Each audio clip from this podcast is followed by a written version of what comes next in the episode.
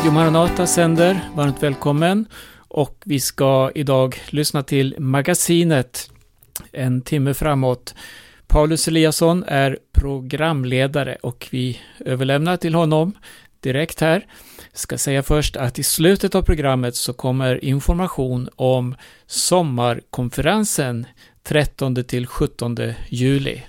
Ja, då hälsar vi än en gång välkomna till Radio Maranata och vårt eh, magasin där vi eh, samtalar tillsammans över ett kapitel i eh, Bibeln.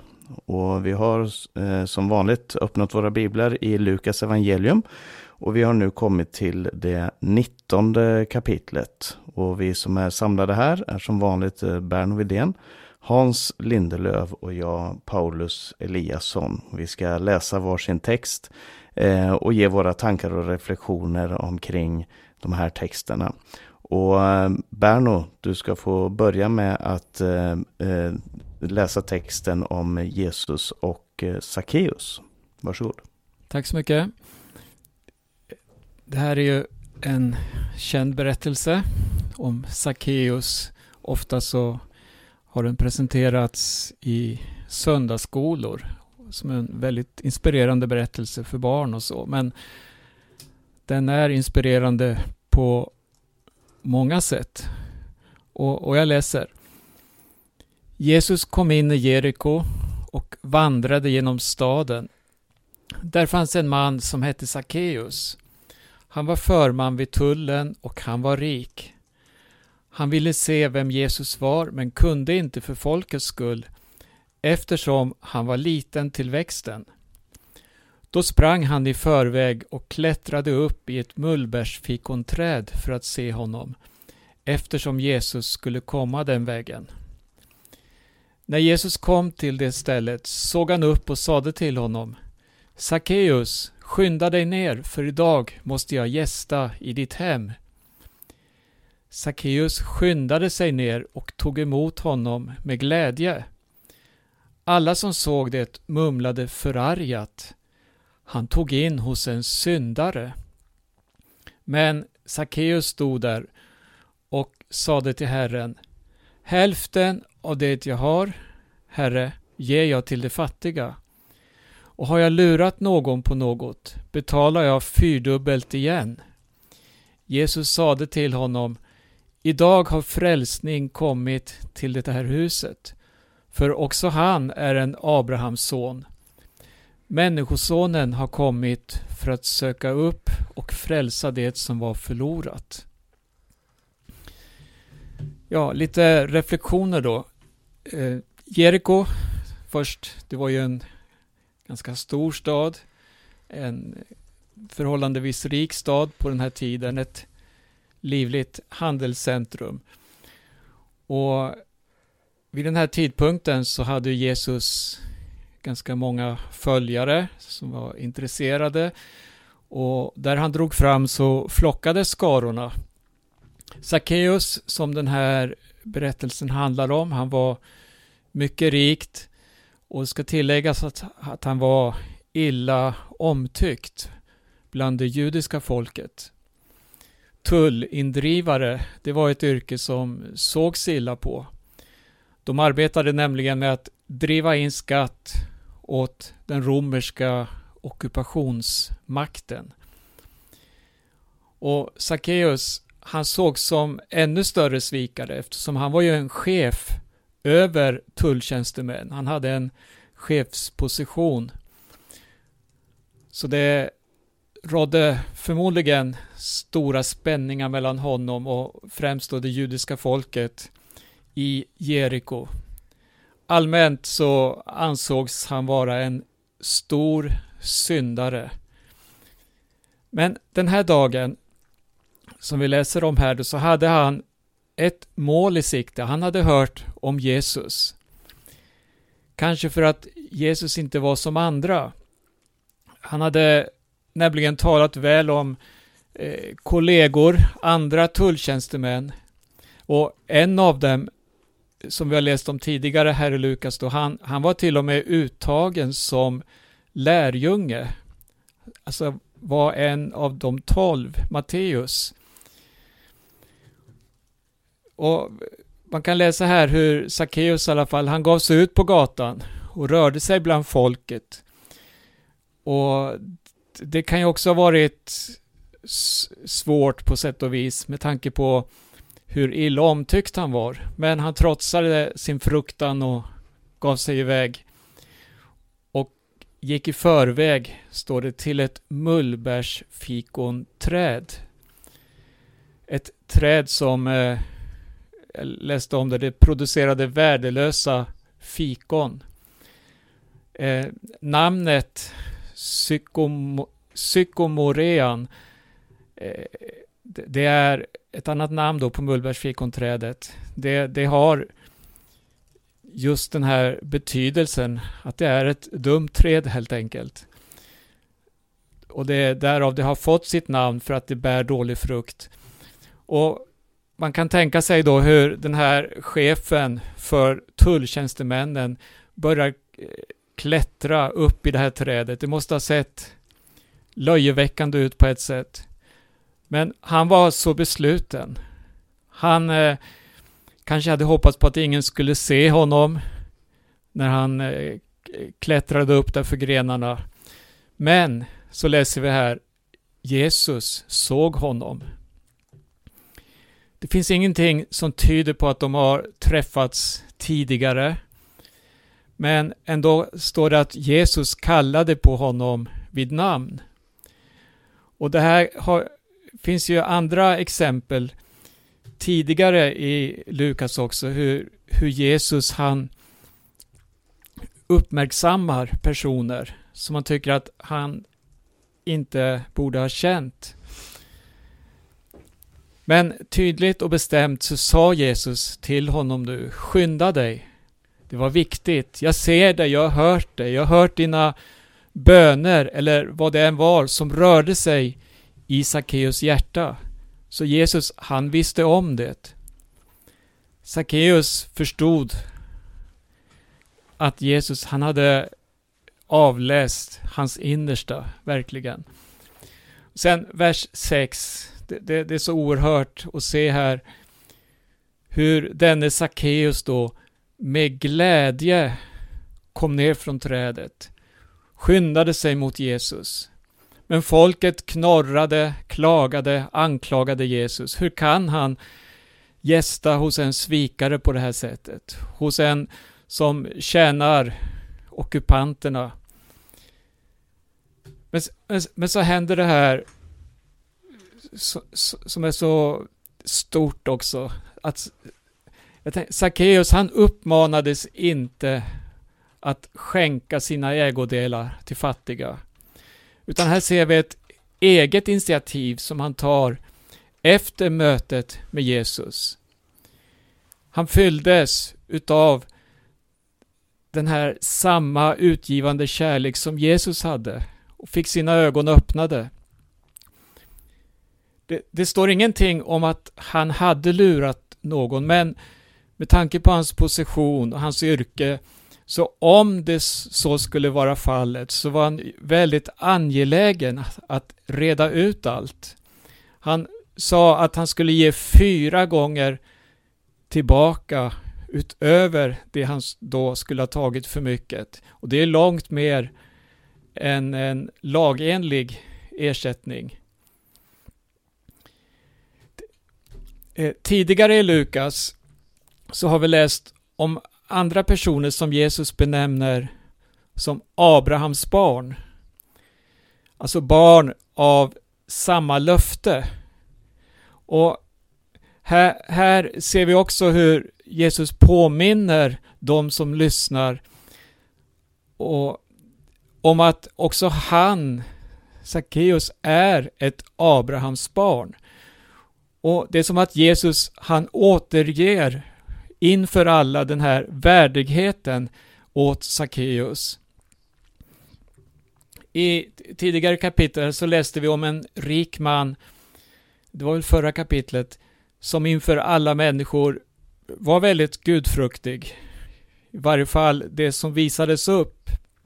Det står om en ung rik man som Jesus fattade kärlek till, som var en noggrann följare av Guds bud också ett Abrahams barn. Jesus, honom uppmanade Jesus att dela ut av sina rikedomar. Men han gick sorgsen bort, stod det, för han hade en sådan kärlek till det han ägde. Här hos Sackeus är det precis tvärtom. Jesus säger inte ett ord, utan det kommer från honom själv, för den kärlek han har mött och tagit emot, den var så överväldigande.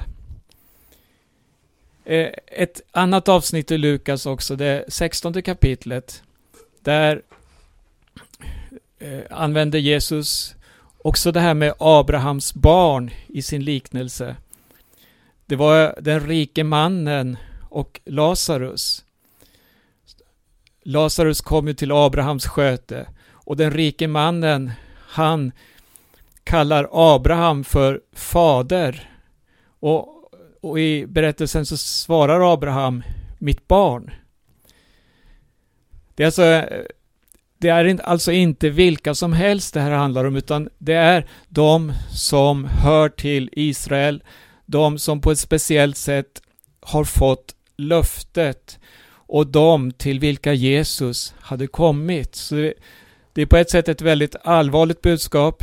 Och här hos Sackeus möter vi vad som händer då man tar emot budskapet från Jesus. Det budskap som Jesus förmedlar här, det handlar om barmhärtighet, rättfärdighet och efterföljelse. En, en liten eh, parentes här också innan jag avslutar. Eh, det här vet jag inte om, om det stämmer riktigt, men enligt kyrkofäderna, en eh, som hette Clemens av Alexandria, som föddes år 150, så gav Sackeus efternamnet Mattias av apostlarna. Och han skulle då ha ersatt Judas Iskariot efter Jesu himmelsfärd. Den, det vi kan läsa om i början av Apostlagärningarna.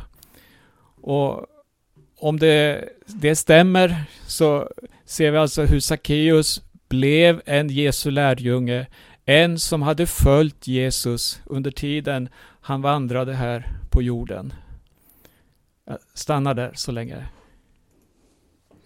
Ja, nej, men det var intressant. Tusen tack eh, Berno. Eh, Hans, har du några kommentarer kring den här texten också? Ja, just att eh, Jesus talar om honom som om Sackeus som ett Abrahams barn.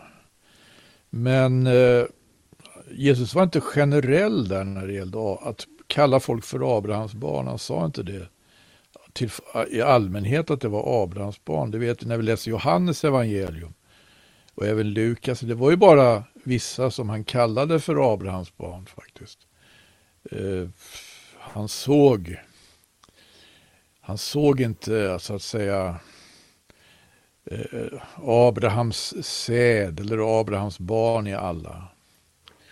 Det, det, har, det är ganska tydligt. Mm.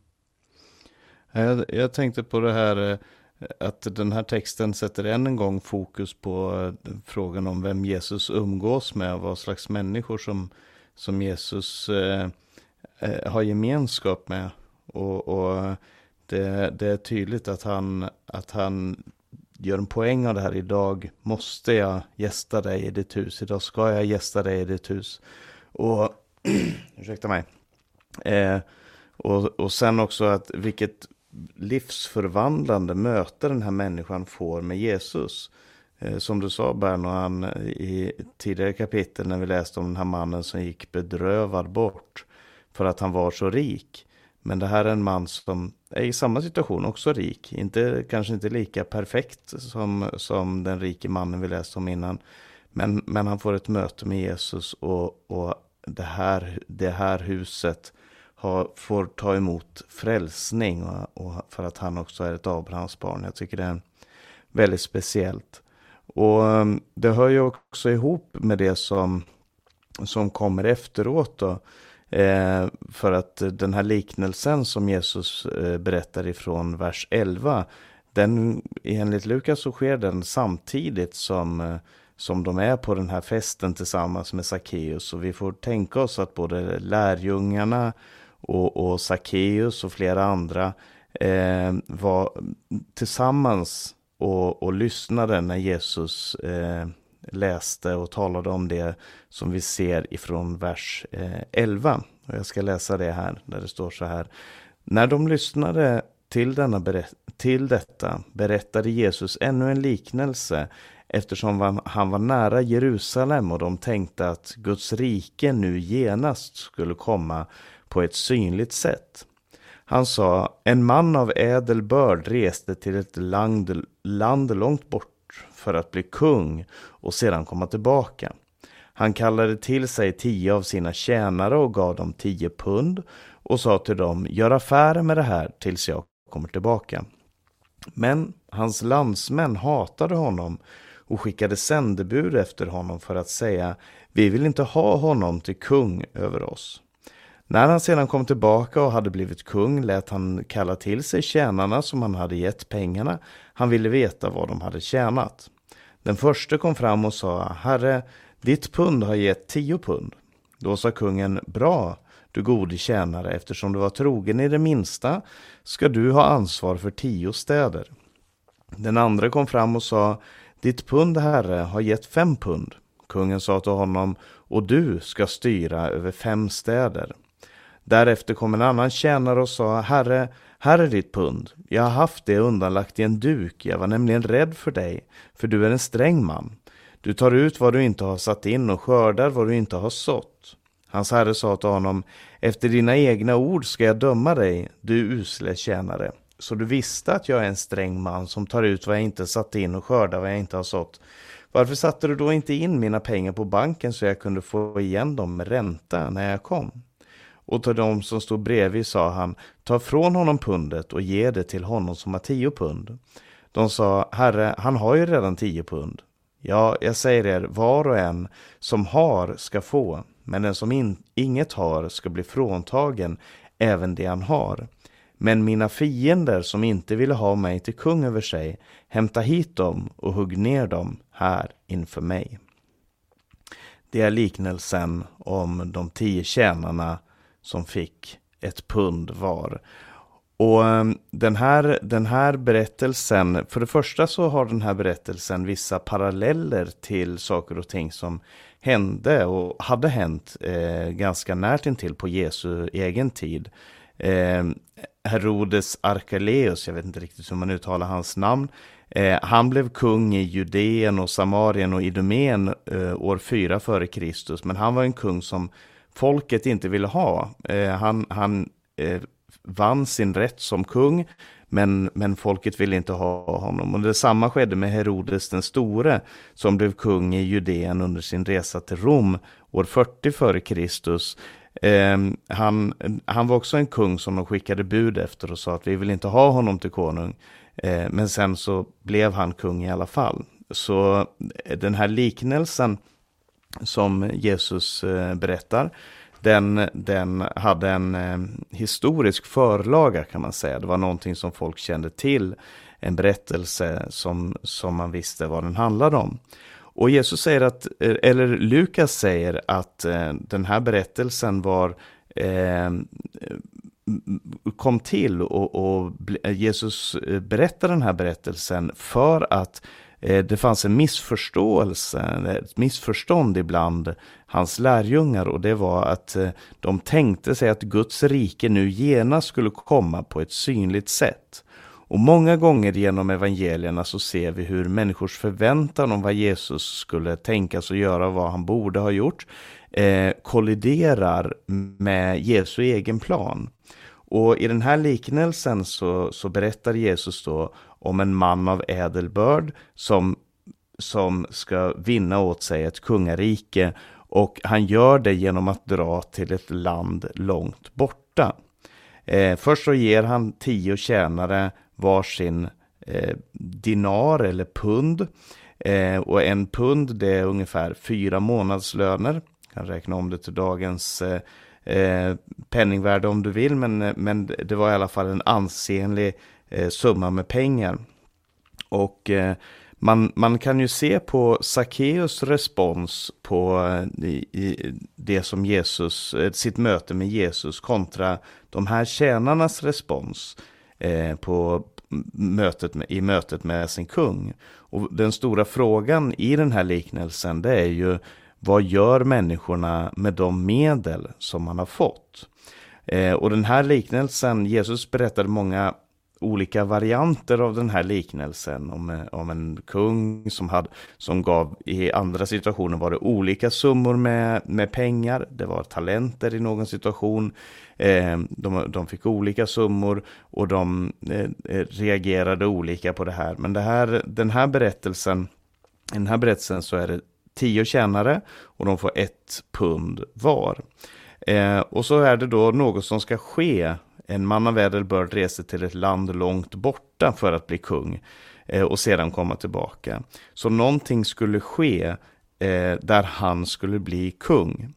Och den första tanken man kanske får är att eh, Jesus talar om hur evangeliet ska spridas till hedningavärlden och att det här är relevant för för Israels folk som, som inte ville ta emot honom som kung, men han reser till utlandet för att ta emot kungavärdighet. Men jag tror att det är att göra det lite för enkelt för sig, för att Jesus vinner inte kungavärdighet i Rom eller i Efesus eller i Korint. Bibeln säger att Gud är den som kröner honom till kung och det sker vid hans himlafärd. Honom har Gud upphöjt till kung över alla ting. När han tas bort på skyarna eh, till eh, Fadern i himmelen så Eh, är det en parallell till det som profeterades om i, i, hos profeten Daniel. Där han talar om eh, den här människosonen som kommer på skyarna till, till eh, den gamla av dagar och han får ta emot kungavärdighet ifrån honom. Eh, och så, så den här, eh, jag tror att det, det, det handlar om är Jesu himmelfärd och att han idag regerar som kung ifrån himmelen. Och så sätts det fokus på när han sedan kom tillbaka. Han ska komma tillbaka. Och det är församlingens hopp, det är församlingens tro, det är, vår, det, är det vi ser fram emot. Förhoppningsvis. Och, och eh, Lite som, eh, det är ju en eh, sommarkonferens på ingående nu och det har annonserats att det ska vara ett tema på den här sommarkonferensen, Maranataförsamlingens sommarkonferens som blir på Långshyttan. Och det är det här tills han kommer. Tills Jesus kommer. Alltså det finns ett fokus som handlar om att veta att Jesus kommer tillbaka, att, att förbereda sig för Jesu tillkommelse. Men det handlar om en tjänst som gäller tills han kommer. Och det här är det Jesus talar om i den här liknelsen. Och eh, som sagt, i den här liknelsen så får ju alla de här likt ansvar. Och, eh, för vi har alla ett liv som vi kan använda till Guds ära. Oavsett vilka vi är så har vi ett liv som vi kan använda till Guds ära. Eh, och i den sjuttonde versen när han kommer tillbaka och den första kommer fram och säger Herre ditt pund har gett tio pund till. Det är en tusenprocentig eh, Eh, eh, ökning av det, som han, av det som han hade fått. Och så står det, då sa kungen, bra du gode tjänare, eftersom du var trogen i det minsta eh, ska du ha ansvar för tio städer.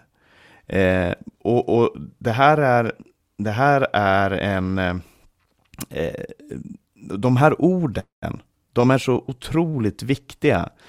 Det handlar om godhet och det handlar om trofasthet. Bra, du gode tjänare, eftersom du var trogen i det minsta. Eh, I andra liknelser, när Jesus berättar samma sak, så säger han Väl gjort du gode och trogne tjänare. Han säger inte väl gjort du framgångsrike tjänare eller du, du berömde tjänare eller du vältalande tjänare eller du starke tjänare, välkända eller vad, någonting annat som vi ofta mäter framgång med. Utan det sättet som han mäter framgång med, det är vår attityd mot Gud och mot människor omkring oss. Det är det godheten handlar om. Och trofastheten, det är en av de mest framträdande egenskaperna hos Gud själv och hos de som är berörda av Gud. När vi är trofasta eh, så, så visar vi att vi tillhör Gud därför att Gud också är trofast. Och så säger han i, i, i vers 17, bra gjort, du, eh, du var trogen i minsta att du ska ha ansvar för tio städer. Så den här mannen som fick fyra månadslöner att, att eh, eh, disponera och göra som han ville med och för sin herre, han, han blir satt att regera över tio städer. Och det talar någonting om, någonting om hur Gud ser på just trofasthet. Och att lönen är inte, är inte vila, utan lönen är möjligheten att tjäna ytterligare. Och det Gud längtar efter, det Gud önskar, det är inte framgång så som vi ser det, utan det är trofasthet i den tjänst som Gud har satt oss på till här på jorden. Och i vers 20 då så kommer den här tredje tjänaren. Därefter kom en annan tjänare och sa Herre, här är ditt pund. Jag har haft det undanlagt i en duk. Jag var nämligen rädd för dig. Och Det här var ett vanligt sätt att bevara pengar, att lägga det i en duk. Att gräva ner det på ett hemlig plats när man hade värden. Lägg det i en duk, gräv ner det, få det undan så att ingen kan stjäla det för att det är ingen som vet var det befinner sig. Det var ett vanligt sätt att hantera, men det var inte ett produktivt sätt att hantera det man hade fått. Det var att hemlighålla och, och att eh, eh, inte säga någonting, att gömma undan. Det är inte ett produktivt sätt att, att tjäna på. Och det det, det det säger mig, det är det här att, att stå stilla är inte ett alternativ för en troende. Att, att bara vara där man är, inte röra på sig, inte göra någonting utan säga nu, nu är vi stilla här, nu väntar vi och mm, att Jesus ska komma tillbaka eller vi väntar att, att saker och ting ska förändra sig, vi väntar på den stora väckelsen eller vad det nu än är vi väntar på. Så, så säger Jesus i den här liknelsen att stå stilla är inte ett alternativ. Och det är värt att, att eh, tänka på, det är värt att ta till sig. Eh, och, och, så säger han, jag var rädd för dig för att du är en sträng man. Och, och jag tror att människor som tror på Gud kan ha olika motivationer och olika drivkrafter i livet. Men det är helt klart att rädsla ska inte vara drivkraften för den som tror på Gud. Eh, det, det, måste finnas en annan drivkraft och det, och det, så det handlar om förhållandet man har till sin kung och herre. Och eh, eh jag funderar lite på hur, hur Sackeus reagerade på att höra den här berättelsen ifrån Jesus. För han hade ju nu, eh, han hade bestämt sig, han hade beslutat sig för att allt det jag har, det ska jag ge bort. Eh, eller hälften av det jag har ska jag ge bort. Om jag kräver för mycket av någon ska jag ge fyrdubbelt igen. Hans liv eh, kommer nog att se väldigt, väldigt annorlunda ut efter det här. Han förlorade sin rikedom, han förlorade eh, allt det här, men han stod inte stilla. Han, han sa inte bara bra, tack Jesus, nu ska jag försöka sluta göra saker som är fel, utan han verkligen investerade sitt pund, sin tid, sin kraft, sina pengar i Guds rike för att hjälpa de fattiga, för att hjälpa dem som han hade utnyttjat. Och eh, Så, så det, är en, det är en välsignelse att få använda sitt pund för Jesus, att få riskera sitt pund, det man har fått för Jesus skull. Och lägg märke till det som står i den sista versen där han talar om mina fiender som inte ville ha mig till kung över sig. Det är alltså andra än de här tio eh, de, eh, som hade fått sina pund. Det var fiender som inte ville ha honom till kung över sig. Eh, så så de, de människorna som det talas om här, det är inte människor som inte tror. Det är inte människor som, som inte har bekänner eh, Jesus som Herre, utan det är människor som, som menar att de är i tjänst. Men det är en skillnad mellan att stå stilla och att faktiskt röra på sig i Guds rike. Och det, det är någonting som jag tror är värt att eh, tänka på och begrunda i den här texten. Det var det jag eh, ville säga om det. Eh, Berno, har du några tankar om, om den här texten som vi har läst nu? Mm, hon blir Eh, det är många bibelsammanhang som liksom ploppar upp, som kommer till minnet. Eh, mycket som har med tjänsten att göra. Exempelvis tänker jag på det här med eh, Gamla Testamentet står om väktaren på muren. Och det, det, är också en tjänst då. När man ser fienden närma sig så har man två alternativ. Antingen tiger man eller också varnar man folket. Och så förde ju det också med sig olika konsekvenser beroende på hur man handlade. Men det, det, det handlar hela tiden just om att vara trogen i den tjänst som vi har fått. Och det här är något som Jesus återkommer till gång på gång i sin undervisning.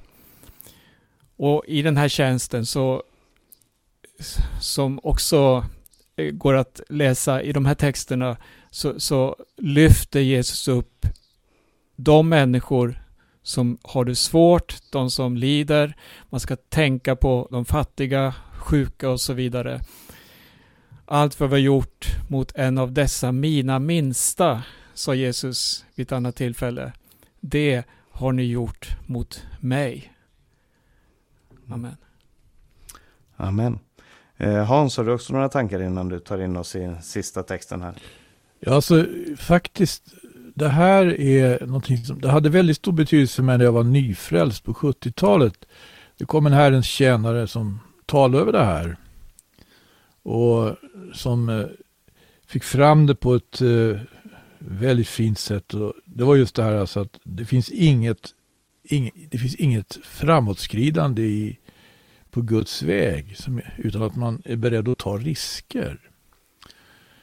måste man kunna det måste man vara beredd att göra och man kan ju fundera på det här resonemanget som den tredje, tredje ordningen då för.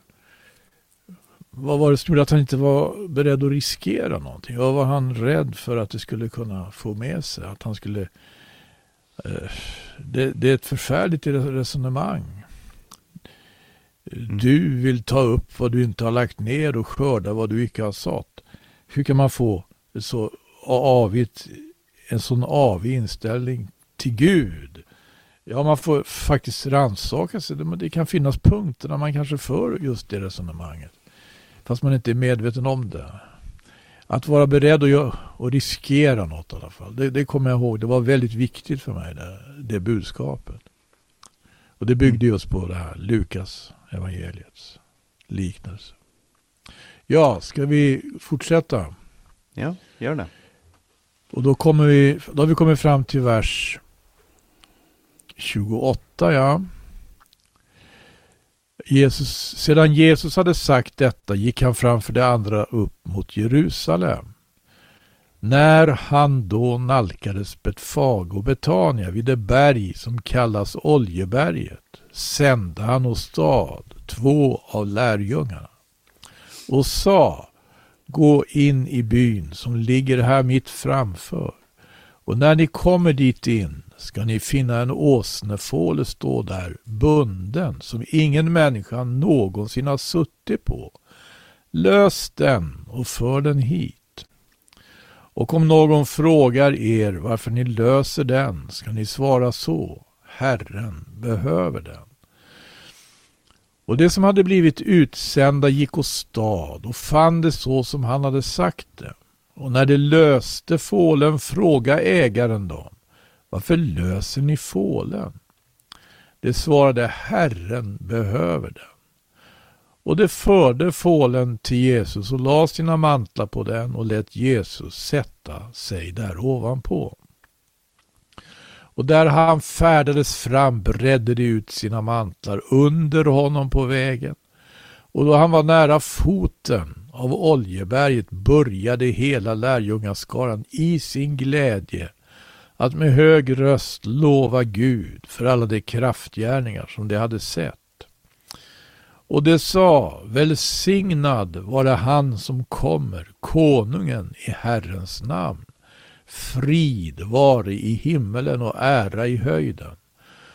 Och några fariseer som var med i skaran som var med i folkhopen sa till honom Mästare, förbjud dina lärjungar att ropa så. Men han svarade och sa, jag säger er, om dessa tiga ska stenarna ropa. Då han nu kom närmare och fick se staden började han gråta över den och sa, O, att du idag hade insett också du vad din frid tillhör, men nu är det fördolt för dina ögon. Ty den tid ska komma över dig då dina fiender ska omgiva dig med belägringsvall och innesluta dig och tränga dig på alla sidor.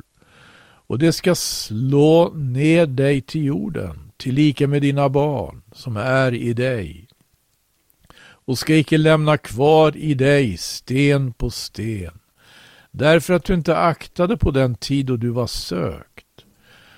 Och han gick in i helgedomen och började driva ut dem som sålde där inne. Och han sa till dem, det är skrivet, och mitt hus ska vara ett bönehus. Men ni har gjort det till en rövarkula. Och han undervisade var dag i helgedomen. Och överste prästerna och de skriftlärda och folkets förnämste män sökte efter tillfälle att förgöra honom. Men de kunde inte finna någon utväg därtill. Allt folket höll sig nämligen till honom och hörde honom. Ja, det här var senare delen av det här kapitlet. Och här går ju Jesus helt i alltså messianska profetior. Jag kan finna inte mindre än fyra bibelord här. Det finns säkert fler. Men eh, det är ju faktiskt det här att han kommer ridande in på en åsna. Det är uttryckligen vad profeten Sakarja århundraden innan talar om. Och det är i Sakarjas boks nionde kapitel, vers 9. Fröjda dig storligen, du dotter Sion. Höj jubelrop, du dotter Jerusalem. Se, din konung kommer till dig. Rättfärdig och segerrik är han. Han kommer fattig, ridande på en åsna, på en åsninnas fåle. En messiansk profetia som här går i fullbordan. Och det liksom är ju också som om marken darrar inför det här. Det räcker med att lärjungarna svarar ägaren till åsnan bara med att säga Herren behöver den. Och så, sen är det ingen diskussion. Och Jesus rider alltså in i Jerusalem. Och så står det att hela lärjungaskaran i sin glädje började med hög röst lova Gud för alla de kraftgärningar som de hade sett. Och det sa välsignad vara han som kommer, konungen i Herrens namn. Frid var i himlen och ära i höjden. Här är ju från den 118 salmen. Det är också en profetisk psalm. Och jag tror att det är ju i det här sammanhanget vi nu tidsmässigt rör oss i, i det här i evangelieberättelsen då Jesus också får anledning att påminna om den salmen. Om ordet eh, i den 22 versen. Att den sten som byggningsmännen förkastade har blivit en hörnsten. Den han, han själv är ju den sten som byggningsmännen förkastade. Byggningsmännen. Han var omgiven av sådana. Och de förkastade honom. Och sen så har vi också det här att eh, fariseerna blev störda av det här jubelropet. Och de sa förbjud, de sa till Jesus förbjud dina lärjungar att ropa så. Och han svarade och sa jag säger er om dessa tiga ska stenarna ropa. Finns det inte ett bibelord också här? Jag tror det, det gör det va. Det är i Habakuk i alla fall så finns det något som påminner om det. I sammanhanget står det så här i Habakuks andra kapitel.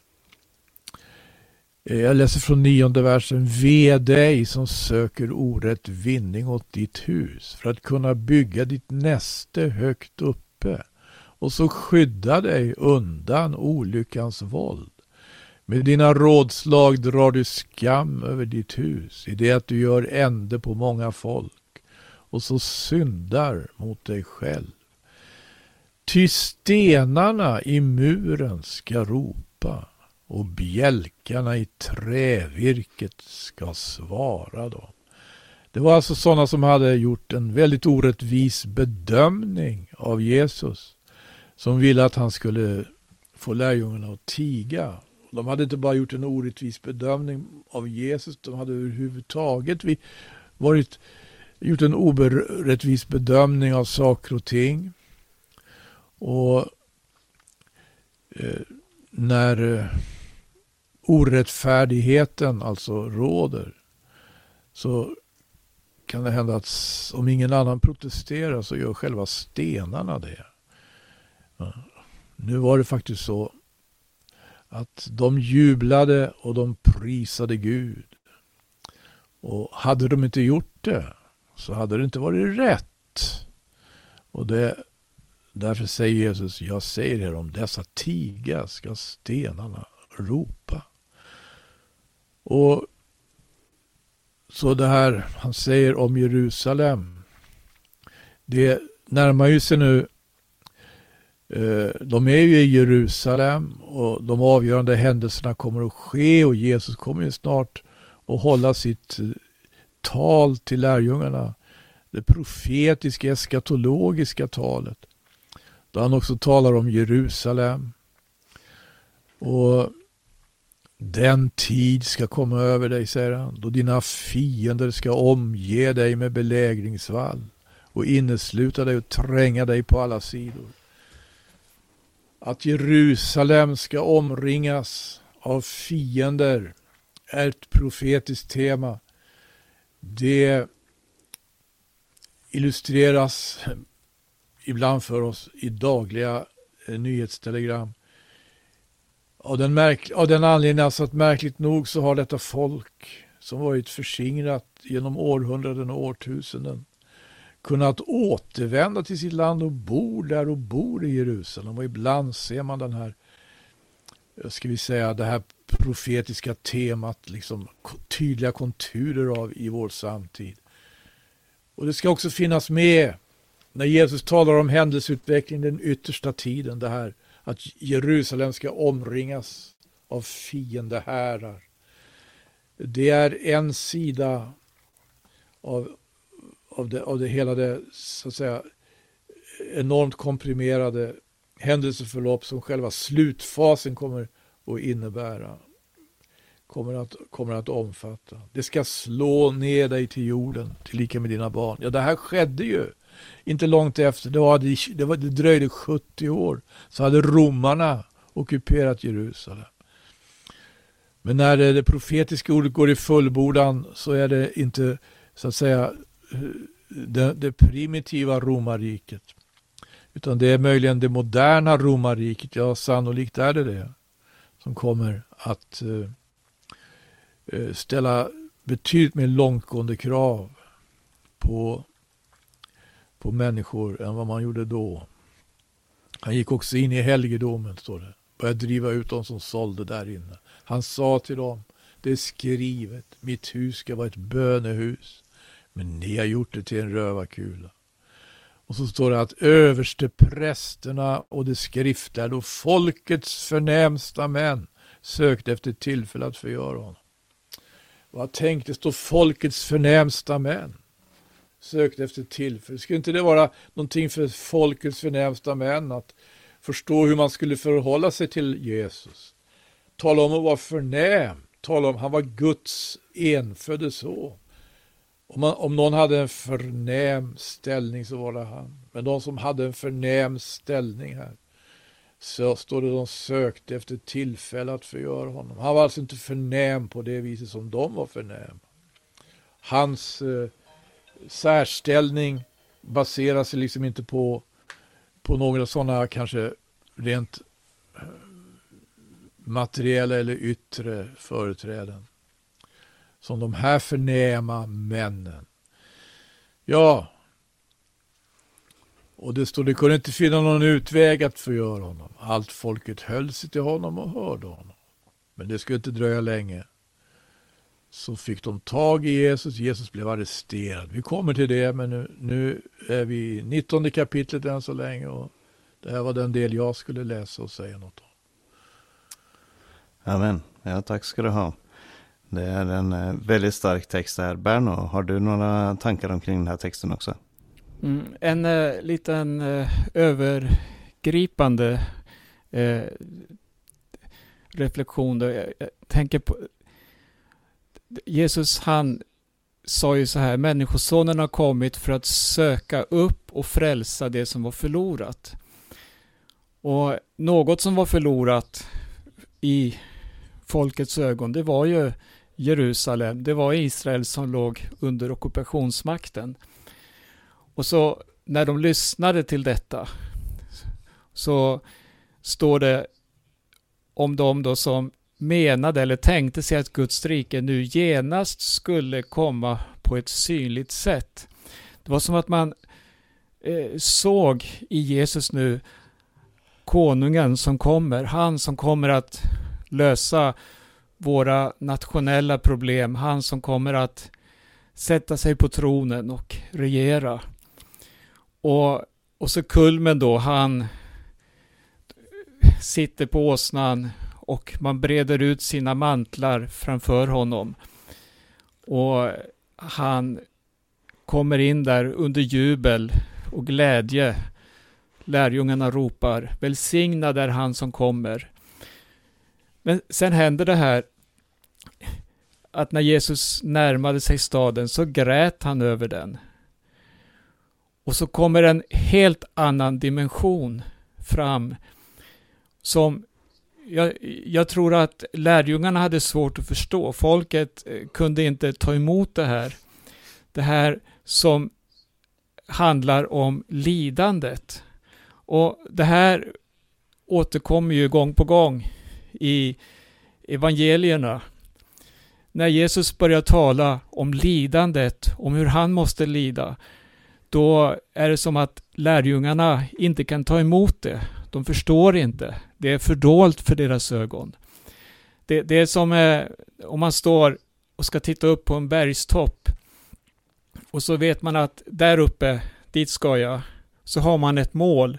Men sen när man kommer upp dit så är det en dalgång efter. Och så ser man ännu en bergstopp. En ännu ståtligare och finare. Men det finns en dalgång emellan. Och det är så här, tror jag, att Gud han uppenbarar för oss det vi behöver veta. Och det största av allt som kom när tiden var inne, det var ju det som har med försoningen att göra, att han gav sitt liv för att frälsa oss.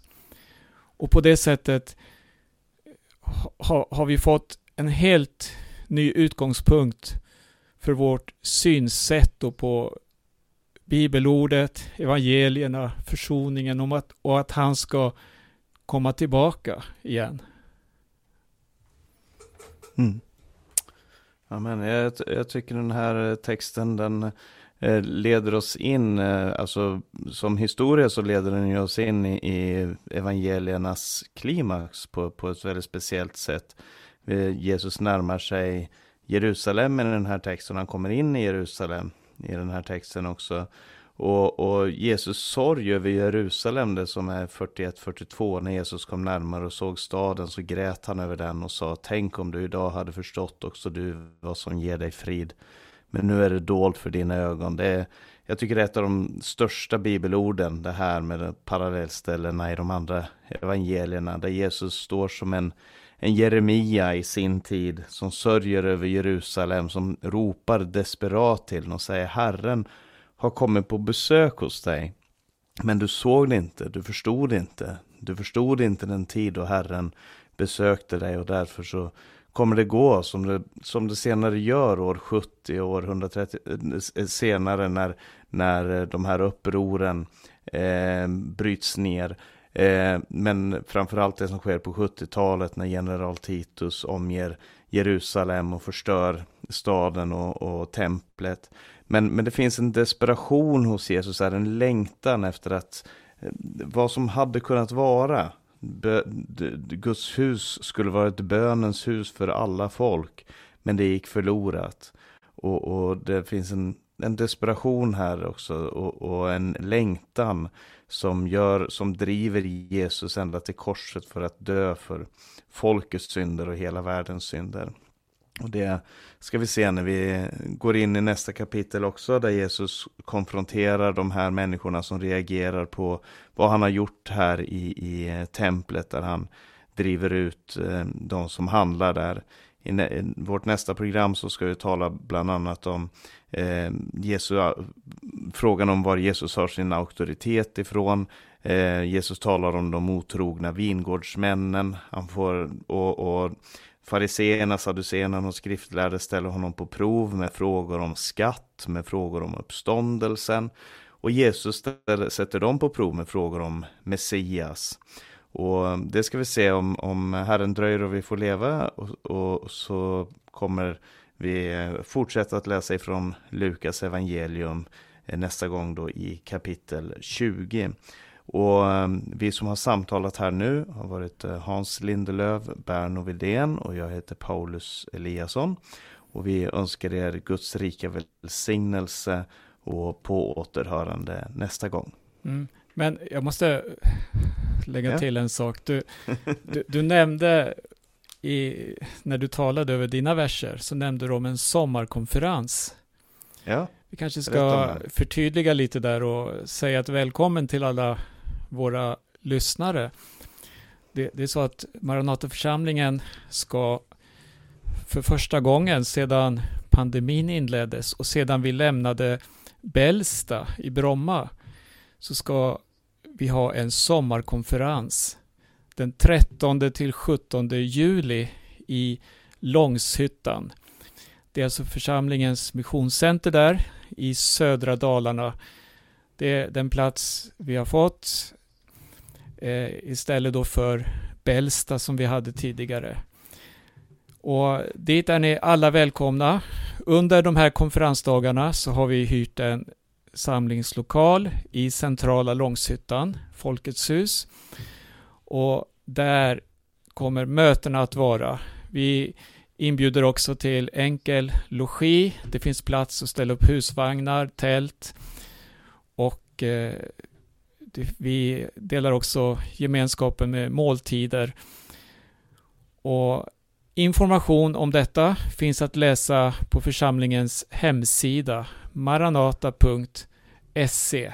Så varmt välkommen till årets sommarkonferens. Kristi världen det är i vår tid Alla människor går Jesus förbi de har det gott nog som de har Tränger ingen hjälpe far Men bara Jesus i hjärtes lycka kan ge Ja, sök Jesus, sök Jesus min vän.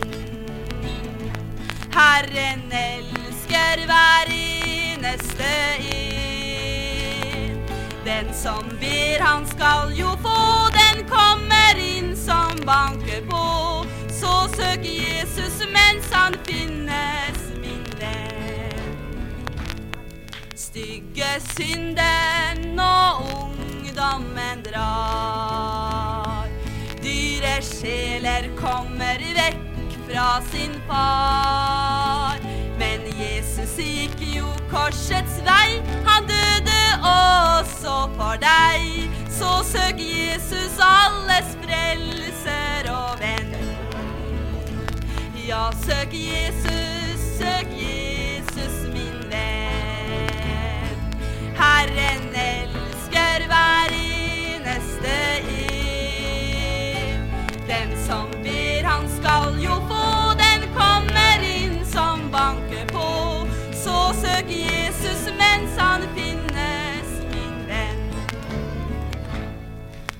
Alle tegn vi kan tyde så klart. Allt beviser att Jesus kommer snart.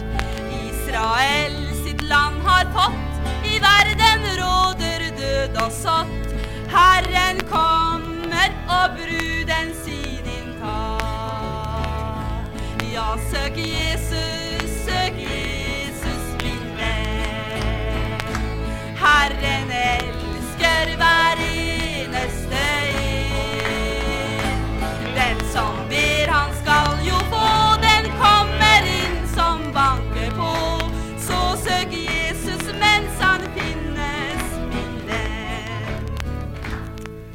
Där är ett hopp för alla som tror.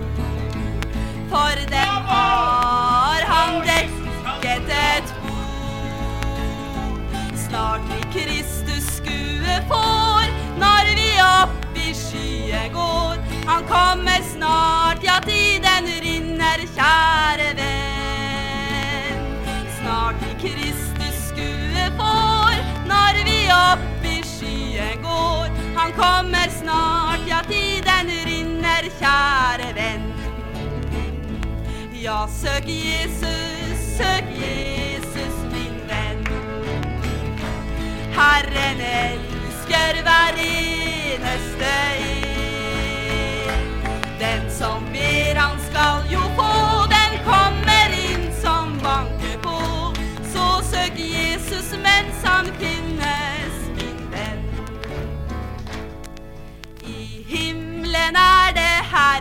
kan du tro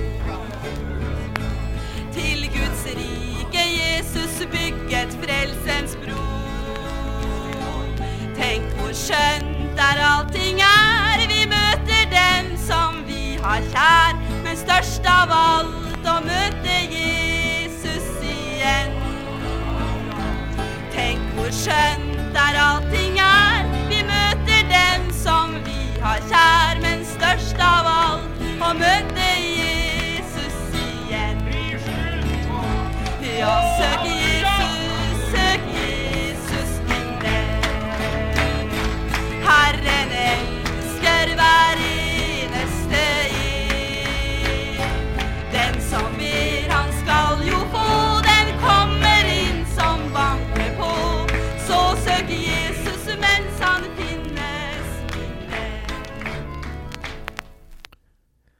Du lyssnar till Radio Maranata. Vi har haft en timme med magasinet och idag har vi läst ur Lukas evangeliums 19 kapitel. Eh, det- De du har hört är Paulus Eliasson, Hans Lindelöf och mig, Berno Vidén. Eh, magasinets bibelstudier kommer att fortsätta veckorna som ligger framför också. Sist här hörde vi också en sång som var en inspelning från en Malmköpingskonferens tidigt 70-tal. Ja, eh, jag ska nämna något. Du hörde tidigare här att vi har en sommarkonferens i Långshyttan. Kom ihåg, Långshyttan det ligger i södra Dalarna och du är varmt välkommen att vara med. Det finns information om detta på församlingens hemsida maranata.se. En sak till, eh, det är snart pingst och då har vi annonserat bönedagar, mycket med tanke på sommarkonferensen och eh, läget i vårt land överhuvudtaget, eller hela vår värld egentligen. Vi behöver bedja tillsammans. Det här finns också information om på hemsidan maranata.se. Eh, vi samlas i Långshyttan den 4 och 5 juni. Hålltiderna 10, 12, 14 och 16. Och sen på kvällarna så har vi väckelsemöten. Och när vi har bönedagar då är du också välkommen att vara med, förena dig i bön från den plats där du befinner dig om du inte har möjlighet att komma till den här platsen. Så, så möts vi i bönen. Det finns inga eh, spärrar, det finns inga gränser utan var och en av oss vet att vi kan nalkas himmelens Gud i bön oavsett var vi befinner oss någonstans. Nu säger vi tack för oss för denna gång på återhörande.